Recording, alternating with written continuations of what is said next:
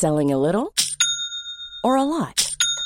Shopify helps you do your thing however you cha-ching. Shopify is the global commerce platform that helps you sell at every stage of your business. From the launch your online shop stage to the first real life store stage, all the way to the did we just hit a million orders stage. Shopify is there to help you grow. Shopify helps you turn browsers into buyers with the internet's best converting checkout. 36% better on average compared to other leading commerce platforms because businesses that grow grow with Shopify. Get a $1 per month trial period at shopify.com/work. shopify.com/work. Selling a little or a lot?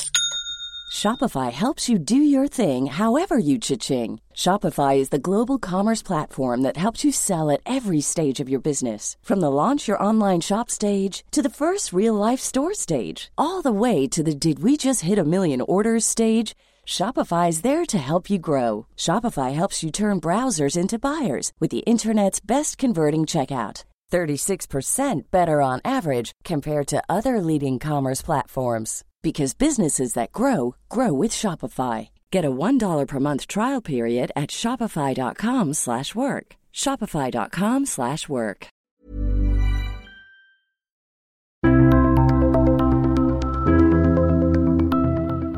Da oljeprisen stupte og Norge stengte ned i mars i fjor, så det stygt ut for leverandørene i oljenæringen.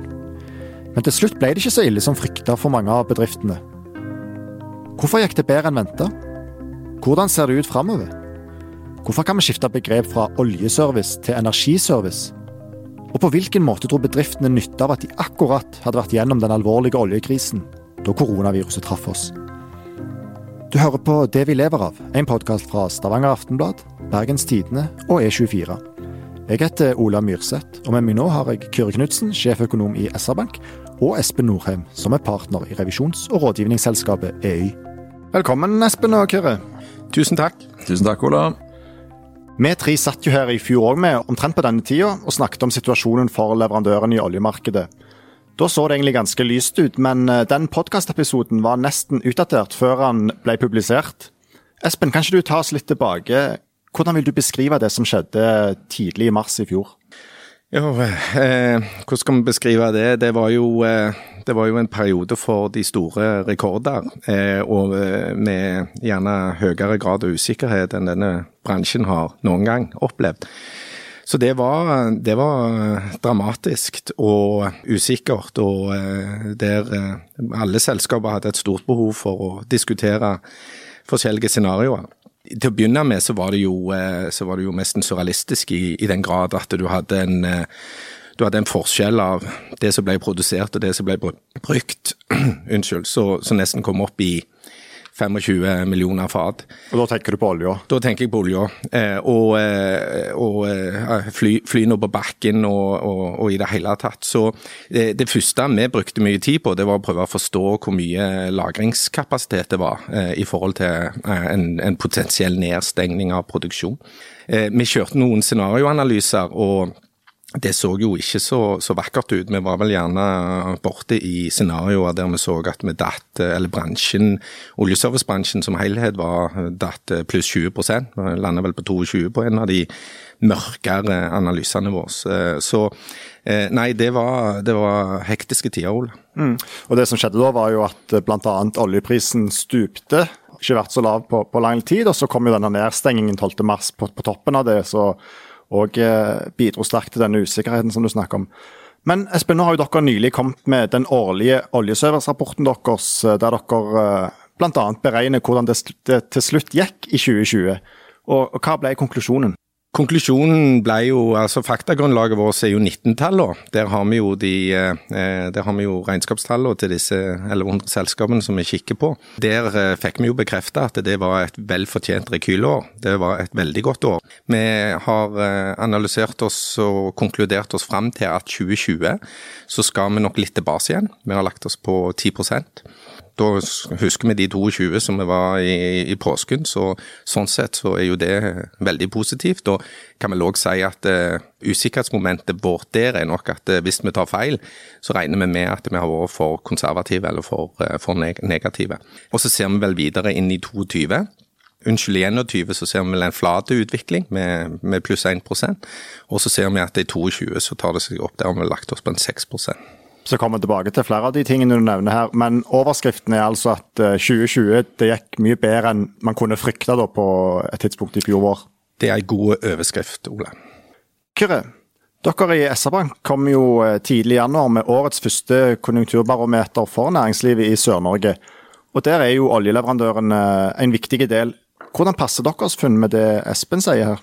Jeg opplever at det er god, eh, god, samstemmighet. Det er klart det er viktig, Man måler jo litt forskjellige ting, kanskje, eh, som kan gi noen forskjeller. Men overordna så tror jeg det bildet med at eh, fjoråret var preget av høy usikkerhet, tidvis nesten nedstengt. I en bransje som normalt har en viss treghet, så så vi hadde jo kanskje tenkt når vi kom inn i korona at ok, de klarer å, de klarer å måte ha fleksibilitet til å ta ned aktiviteten noe. Men som Espen sa, rett før juni der, så det, hadde det vært bom stopp i bransjen i tre måneder. Og det lå an til at det kunne bli et ganske tøft år. Eh, og vi så det i vårt konjunkturbarometer eh, utover høsten òg, at det var ganske mange som rapporterte om ganske betydelig nedgang som følge av den der tre månederen der det var et vakuum. Og så tok det òg litt tid før man liksom begynte å trykke på knappene igjen. Så det er faktisk sjelden at uh, Jeg så på eh, SSB der selskapene sjøl melder inn sine forventninger til, hver, til året i løpet av året, og det har faktisk aldri hatt så stor svingning på så kort tid noen gang tidligere. Så Det illustrerer at det var et veldig usikkert år. Og så landa man eh, på året, tror nok mange liksom når det kom eh, nærmere deg slutten, at de pusta litt mer med magen. Noe lavere aktivitet. Det er litt ulike anslag. Espen nevnte vel ned 10 men Norges Bank og en del andre ligger kanskje på enda mindre, minus 6% Og så er det klart, nå står vi inngangen til et nytt år. Det er fortsatt nokså usikkert fordi koronasituasjonen ikke er løst, men for bransjen, hvis vi også ser industrien litt bredere, så er det klart der har man nok eh, litt mer eh, kontroll fordi at man har prosjekter. Sant? Det er en, en bransje som er prega, i hvert fall på norsk sokkel, ganske store prosjekter, går over tid. Eh, du har òg vedlikehold, altså operasjonelle kostnader. Sånn at for året i år så er det, det er litt forskjellige anslag der òg, tilbake til Norges Bank og Statistisk sentralbyrå. De anslagene de lager, det er faktisk noe lavere. Men det er på norsk sokkel det vi måler, er jo da disse selskapene som har noe oljeaktivitet. Og Det betyr at de òg kan ha andre markeder som de retter seg inn mot. Fornybar er åpenbart, men òg en del andre markeder. Og For de selskapene så er det interessant, for de melder nå at uh, det er en moderat vekstforventning, og at den forventningen til vekst den, altså i 2021 blant de selskapene er faktisk høyere enn hvis du ikke har noe oljeomsetning.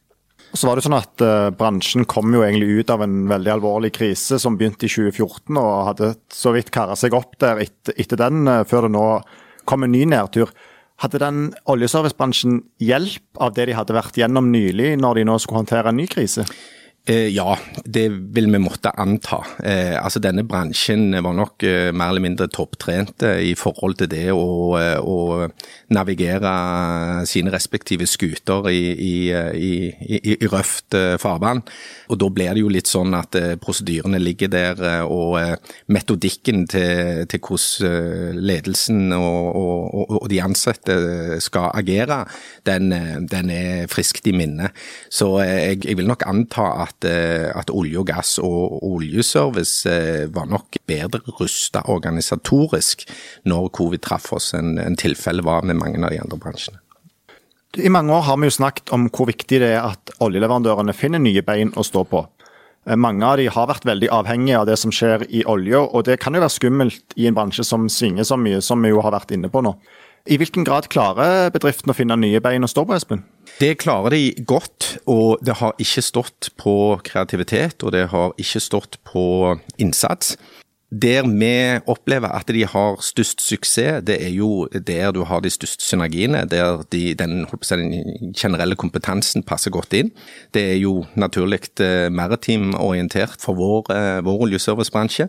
Vi, vi, har, eh, vi, driver jo akvakulturanalyse på samme lest som oljeserviceanalysen.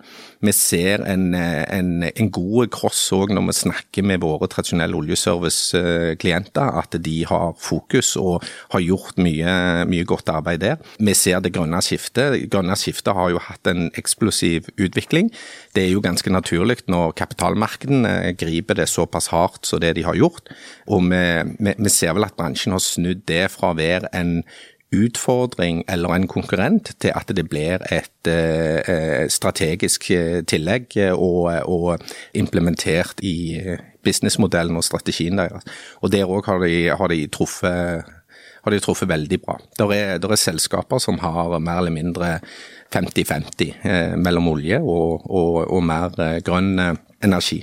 Samtidig så er jo det er jo ikke leverandørleddet i, i, i oljeservice som, som, driver den utviklinga. Der er de jo avhengig av de, de, større aktørene, og så er de avhengig av rammeverk og avhengig av, av politikken. Men de er definitivt eh, godt posisjonerte til å, å være med på den utviklingen der. Kyrre, du har jo tatt til orde for at begrepet oljeservice snart er klar for museum, at vi heller kan snakke om energiservice. Har omstillingen kommet så langt? Ja, altså jeg leter for hver dag etter gode, konkrete eksempler på at omstillingen skjer. Og når Equinor vant en av de verdens største havvindskontrakter utenfor huset New York, så tenker jeg at uh, da, da, er vi kommet et langt stykke på vei å realisere den omstillingen. Det betyr at de underleverandørene for Equinor har mulighet til å være med, og er med allerede, og i ytterligere grad forsterke den eh, omstillingen, eller den Hva skal vi si, det er jo bare å finne nye markeder, for å si det sånn. Alternativ bruk av den kompetansen og kunnskapen de allerede har. Og jeg syns det er spennende å gjøre det liksom innad i selskapet òg. Det er litt ulike selskapsstrukturer, bl.a. fordi at børsprisingen er såpass bra, så er det noen som legger det fornybare på utsida, men jeg syns det er interessant òg, som Equinor gjør. Men kanskje si, Hvis jeg skulle bare sagt liksom fire enkle punkter, så er det klart det som Espen er inne på, fornybar. Der er det alt som går på energisystemet òg, fornybar inklusiv energisystem. Om det er batterier, når Equinor er ute med, med planer for ny svær batterifabrikk sammen med Panasonic. Eh, kommer til å bli kjempespennende. Det er hydrogen, det er CCS. Så det skjer veldig mye rundt det som vi egentlig er gode på i Norge, eh, energisystemer. Det andre hovedpunktet er havbruk. Der har vi òg et komparativt fortrinn i Norge, i hvert fall så lenge eh, de er i sjøen. Og den bransjen der er fortsatt i rivende teknologisk utvikling. Skjer mye spennende. Jeg vil òg nevne infrastruktur. Det er klart at som et uh, olje, altså Hvis du ser på oljebransjen samla, eller energibransjen som jeg må si nå, er vant til store, komplekse prosjekter. Der har man en fordel, om det er på infrastruktur eller på andre områder. Det siste punktet som jeg syns er et viktig å ta fram som et isolert punkt, er alt som går på teknologi. Om det er digitalisering eller andre ting. Jeg tror denne bransjen har For det første så har man veldig mye data. Man er vant til å behandle store data, men man er ikke vant til å nødvendigvis kapitalisere på det som en, eh, hva skal man si, som et forretningsområde i seg selv. For Norges del så tenker jeg at når Aker dro fram eh, Cognite, så, så, var det et eksempel på at her satser vi på teknologien, på digitalisering, på data. Både tilgang, men bruk av data. Så det òg tenker jeg kan bli et enormt spennende område. Så jeg syns at vi er på god vei. Og med de ambisjonene konkret for norsk sokkel, med mye lavere utslipp fram mot 2030, så syns jeg jo bransjen liksom og på kjerneaktiviteten gjør mye som er interessant i forhold til bærekraft, som eh, viser at bransjen er på vei sånn overordna i forhold til eh, bærekraftsperspektivet. Mm. Og Cognite, som du nevner der, er altså et uh, lite teknologiselskap, som, eller det var lite, og, og som har vært under Aker BPs vinger, og som nå har vokst veldig de siste årene, og bl.a. leverer software-løsninger til, til plattformene. Da. Nye markeder kan jo òg handle om geografi. I hvilken grad lykkes disse bedriftene i utlandet nå? De eh, lykkes bra. Nå er det jo sånn at eh, norske leverandører har nok eh, ytterligere forsterka sin posisjon i hjemmemarkedet, eh, og det er jo covid-19-drevet. Den eh, risikoen assosiert med å sette et prosjekt eh, lenger vekk er nok blitt ansett som være høyere nå enn det det var tidligere. Den vil nok òg treffe når norske, norskbaserte leverandører selskaper eh, skal ut i markedene. Men det, det, den dreiningen vi har sett, er jo at eh, oljeservice har blitt eh, i, i, mye større grad Altså utviklinga over tid har vært at norske oljeserviceselskaper de kommer jo ikke til USA med det norske flagget lenger. De etablerer jo divisjoner og kontorer lokalt og ansetter lokalt, og agerer som om de var lokale. Som de har innsett og, og akseptert, at det, da er det lettere å penetrere inn i nye internasjonale markeder. Så jeg holdt på å si, eksportandelen til, til norsk oljeservice er ekstremt viktig, og den utviklinga forventer vi skal fortsette. Norsk oljeservice har tradisjonelt og over lang tid vært beste i verden til å serve produksjon av olje og gass eh, i vann. Og eh, det foregår eh, stort sett over de fleste olje- og gassregioner, og der er det et marked for, for leverandørleddet med base i Norge. Du, under den oljekrisen som vi snakket om litt tidligere, som begynte i 2014, så måtte jo oljeleverandørene kutte kostnader i stort monn. Hva har det betydd for muligheten for å få oppdrag i utlandet? Det vært positivt. Eh, det som si var mest positivt, var jo eh, den norske krone sin, eh, sin innbærs av, av, oljeprisen. Det, det, den har vært hyggelig. Der vi så at, at norske leverandører ble veldig konkurransedyktige på internasjonale kontrakter, gitt at, at kroneutviklingen var særdeles fordelaktig for, for, for eksport. Den norske krona ble billigere? Mm. Vi må snakke litt om skattepakken. For i fjor sommer så ble jo Stortinget enige om en støtteordning til oljenæringen. Og kort fortalt så handler den om at oljeselskapene betaler mindre skatt nå, og mer om noen år. Ifølge næringen sjøl kan det bidra til å frigjøre 100 milliarder kroner til investeringer. Kyrre, hva har skattepakken betydd for at eh, det gikk bedre enn venta med oljeleverandøren i fjor? Ja, Han har nok betydd eh, ganske mye både i kroner og øre og for hele investeringsbanen de neste åra. Det er klart På kort sikt så gjorde han jo at en del prosjekter ble eh, satt i gang igjen. Det ene, Jeg tror kanskje du kan tenke på dette som i to dimensjoner. Det, pakken i seg sjøl var jo et insentiv til å sette i gang prosjekter, så han ga jo noe bedre lønnsomhet. Selv om han sier at det var utsatt skatt, så eh, når du regner nåverdier, så var det jo en, en bedre lønnsomhet for prosjektene.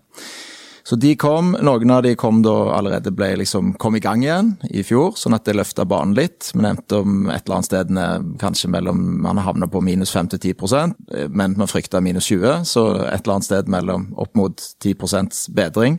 I tillegg så løfta han jo hele banen, sånn at nå har vi jo noe som er utrolig sjelden, egentlig, nemlig at du har en bane for aktiviteten på norsk sokkel som først er enten litt fallende i år og neste år, eller nokså flat, og så stiger han enten i 2022 eller 2023 eller 2024. Det faktisk veldig sjelden har. Så han gir jo en slags arbeidsro for bransjen òg. Så Det var ene hovedpoenget med selve prosjektet. Jeg tror det andre som var ganske viktig for bransjen, var at dette òg er en slags hva skal vi si, Den tok òg ned usikkerheten i forhold til politikernes forhold til bransjen. Sant? Det at politikere, norske storting kom sammen, ble enige om en pakke for bransjen, tror jeg i seg selv òg var et ganske viktig signal. Det var jo liksom, det begynte jo etter hvert å komme en debatt om skal, i hvert fall noen, eh, og gjerne de yngre partiene, sant? skal vi sette en sluttdato for norsk sokkel og sånn. Jeg tenker også at dette var litt sånn overordna en god melding for bransjen å, å få, med at liksom vi er med dere. Altså Espen, som Kyrre så vidt er inne på her, så er det vel grunn til å tro at effekten av denne pakken vil være enda mer markante for uh, oljeleverandørene litt fram i tid? Definitivt. Det er jo, uh, det er jo mange uh, pudder under utviklingen nå. Og, utbyggingsplaner. utbyggingsplaner, ja. Mm. Nå er det jo vanskelig å få ut konkrete tall fra Oljedirektoratet, men jeg mistenker at jeg hørte rundt 40 stykk Eh, som de har dialog på. Og eh, for leverandørleddet så vil nok, eh, så vil nok verdien, deltakelse i verdi av, av, av, de vil jo komme etter hvert så de prosjektene modnes og, og, og arbeid blir, blir tilført. Og, mest når disse prosjektene skal ut i sjøen. Så vi har vel sagt at eh, du vil begynne å se de gode effektene av det i 22, og så vil du nok se det bakpå der eh, utover en en del år til. Dette oljeservicemarkedet som vi snakker om her, det, det er jo en sekkepost som omfatter veldig mye. Espen, dere har analysert over 1000 bedrifter i denne undersøkelsen deres, og de driver med veldig mye forskjellig. Går det an å si noe om hvilke segmenter som går best nå? Ja, det, det gjør det. Eh, og, og, og det, er jo, eh, det, er jo, et viktig poeng at eh, når vi legger fram resultatene, så er jo de aggregerte. Det er jo statistisk snittet av disse 1000 selskapene. Det vi ser er at de som, det, de, som, de som, har det veldig tøft nå, er typisk de selskapene som er assosiert med leting. Eh, seismikk og reservoar eh, er vel de som De hadde en hyggelig 2019. Det, de, det var de som kontributa og, og, og, og, leverte best på bunnlinjeøkningen der. Men vi ser vel at det er de som har det tøffest eh, nå i 2020. Vi, vi har vel indikert en nedgang på 33% på det segmentet der. Vi ser òg at Rigg skal litt ned i, i 2020. Eh, de som eh, gjør det bra, er, er produksjonsstøtte. Eh, det er enten det nå er i form av engineering og support, eller det er i form av brønntjenester, så, så har det vært, vært, relativt bra. Og Det er òg verdt å nevne at det er nisjeselskaper som er, har, har lært seg en ting og er veldig flinke i det, som i, i faktatallet vårt, altså 2019, hadde det beste året ever, enten vi snakker topplinje eller bunnlinje. Så det er jo litt av, litt av alt her. Det vi, det vi, poengterer er jo at lønnsomhetsnivået for bransjen som helhet, eh, så sier ikke vi at det er komplett eh, friskmeldt. For det må jo være ei bunnlinje der som gir mening over tid i forhold til eh, avkastning på kapitalen, i forhold til kapitalkostnader. Kyrre og gjengen skal jo òg ha betalt for å låne ut penger her. Så har du dette med, med, videre investeringer i teknologi. Altså, denne bransjen er teknologidreven, og leverandørene må få eh, en båndlinje som gjør at de kan sette av eh, budsjetter til oss å videreutvikle og, og, og, bruke smartnessen og kompetansen til å gjøre morgendagen enda mer eh, sikrere, enda mer effektiv enn det, enn det vi er i dag. Og Det der er jo noe vi har snakket om egentlig i veldig mange år nå. at Selv om det begynte å gå bra etter oljekrisen og, og nådde i 2019 liksom at krisen endelig var over, så, så har det liksom vært noe med marginene og lønnsomheten som hele tiden har vært et problem. Og rett og slett at bedriften har ikke tjent nok penger. Og Det hang jo bl.a. sammen med at under oljekrisen så var jo leverandørene desperate etter arbeid, og de inngikk kontrakter som var gunstigst for oppdragsgiver, altså for oljeselskapene, og de satt igjen med lite penger sjøl. Du var jo litt inne på det nå, Espen, men hvordan ser det bildet ut nå framover? Nei, eh, det, det, ser, eh, det, ser, bedre ut. Eh, altså, det, det med Altså, prisutviklingen har vært, har vært positive, men det, er jo dette med at covid-19 har jo medført at det kommer ekstra kostnader. Og de, de kommer jo overalt. De kommer jo i hele verdikjeden. Sånn at dette med å flytte på folk og flytte på utstyr, eh, det har, det har, blitt dyrere som en konsekvens av de tiltakene som må være på plass eh, i forhold til dagens situasjon. Og det eh, mener jo vi vil prege båndlinja til, til, leverandørbransjen i, i, i, i, dagens bilde. Så i 2020 så, så, sier vi vel at vi ser for oss at den lønnsomhetsveksten som vi så i 19, den vil nok skalle noe av i 20. Men fokusene til selskapene på effektivitet effektivitet, på digitalisering, på optimalisering, den, den, den, har, den har, vært knallsterke siden 2015. Er fortsatt på topp eh, av agendaen i, i, i styrerommene, og, og, det arbeidet fortsetter. Og selskapene selv skal få en del av den eh, gevinsten, i kombinasjon med at kundene òg skal få det i, i forhold til totalprisen.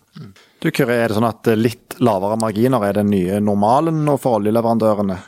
Det er jo en vanskelig bransje å, å, på et vis vurdere. Det er veldig store svingninger. Det inne på. det er en syklisk bransje. Marginer og sånn svinger veldig mye. Du hadde jo noen veldig gode år da, fra 2005-2006 og fram til 2013. Men det var nok en sånn en, eh, Hva skal vi si Det kan godt være at det var en supersyklus som gjør at det, det er kanskje ikke er det som er referansepunktet. Og Det bringer oss kanskje litt over på dette med en litt bredere bransje, energibransje, der du må ha flere bein å stå på. For det er klart at hvis du er i denne bransjen her, er et segment der det er mye kapasitet, den kapasiteten, om det er rigger eller om det er seismikkbåter, ikke kan brukes til noe annet på de samme prisene, så er du veldig prisgitt at det markedet går bra, da. Så jeg tror nok de siste år og etter oljekrisa har eh, gjort at fokuset på diversifisering, få nye bein å stå på, hvordan skal denne forretningsmodellen se ut noen år ned i veien, har blitt mye større.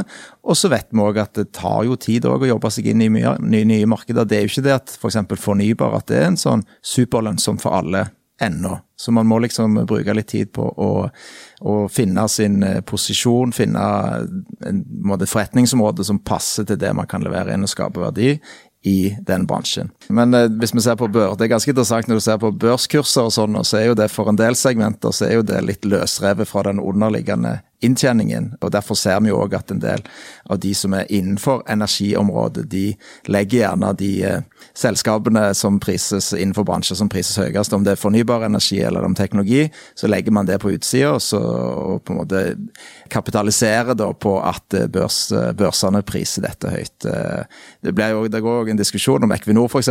kommer til å, å, gjøre noe på sin fornybar, sitt fornybarområde. Det er jo jeg, vet, jeg tror kanskje ikke det kommer til å skje, og kanskje ikke i hvert fall fall ikke noen signaler de har gitt ennå. Men, eh, men, det er klart at å spille i forhold til kapitalmarkedet, hvor prisingen er høy òg, kan òg gjøre at du liksom får løsrevet deg litt fra den løpende inntjening. Og det sagt så er det sånn at selvfølgelig over tid så må jo bedriftene tjene tilstrekkelig med penger til om det betjener banklån og andre kostnader de har for å få det til å gå rundt.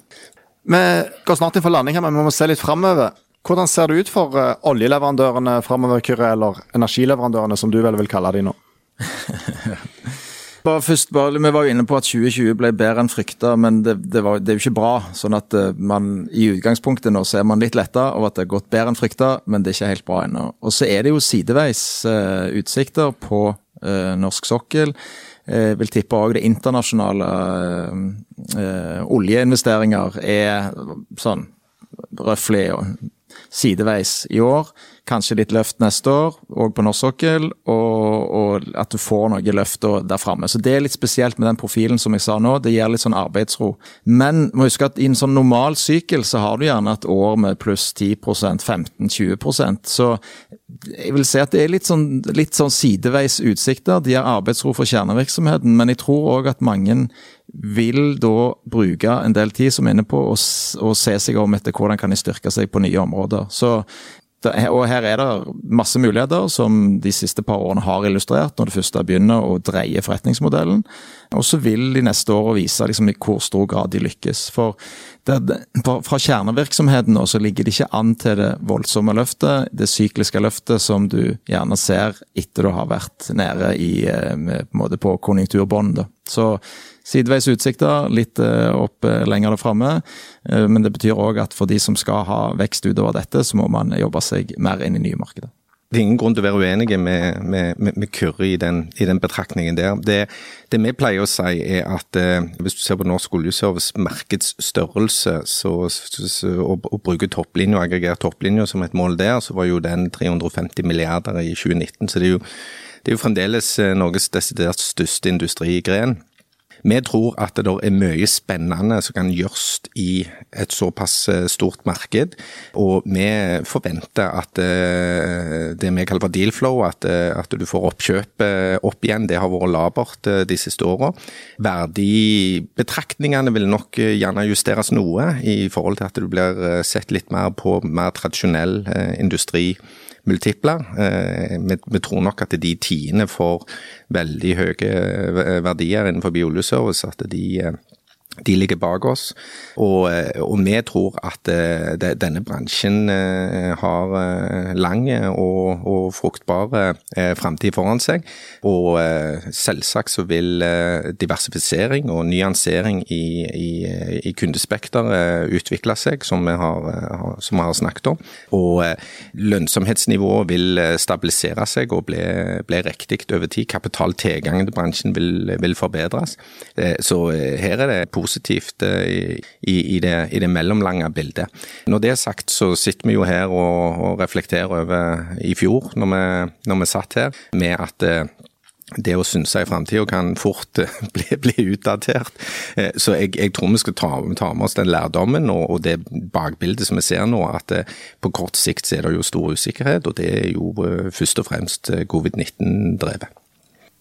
Som du sier, Espen, er det definitivt vanskelig å spå om framtida, men vi får jo håpe at eh, det vi har snakket om nå, har lengre holdbarhet enn de analysene som ble gjort i fjor vinter, og at det ikke kommer nye sjokk. Det var tida vi hadde i dag. Tusen takk for at dere var med, Kyrre og Espen. Tusen takk. Tusen takk. Vi kommer snart tilbake med en ny episode av Det vi lever av. I mellomtida tar vi gjerne imot innspill til temaer vi kan snakke om i podkasten. De kan du sende til ola.myrseth.aftenbladet.no. Produsent for podkasten er Henrik Svanevik, og jeg heter Ola Myrseth. Kjekt at du hører på.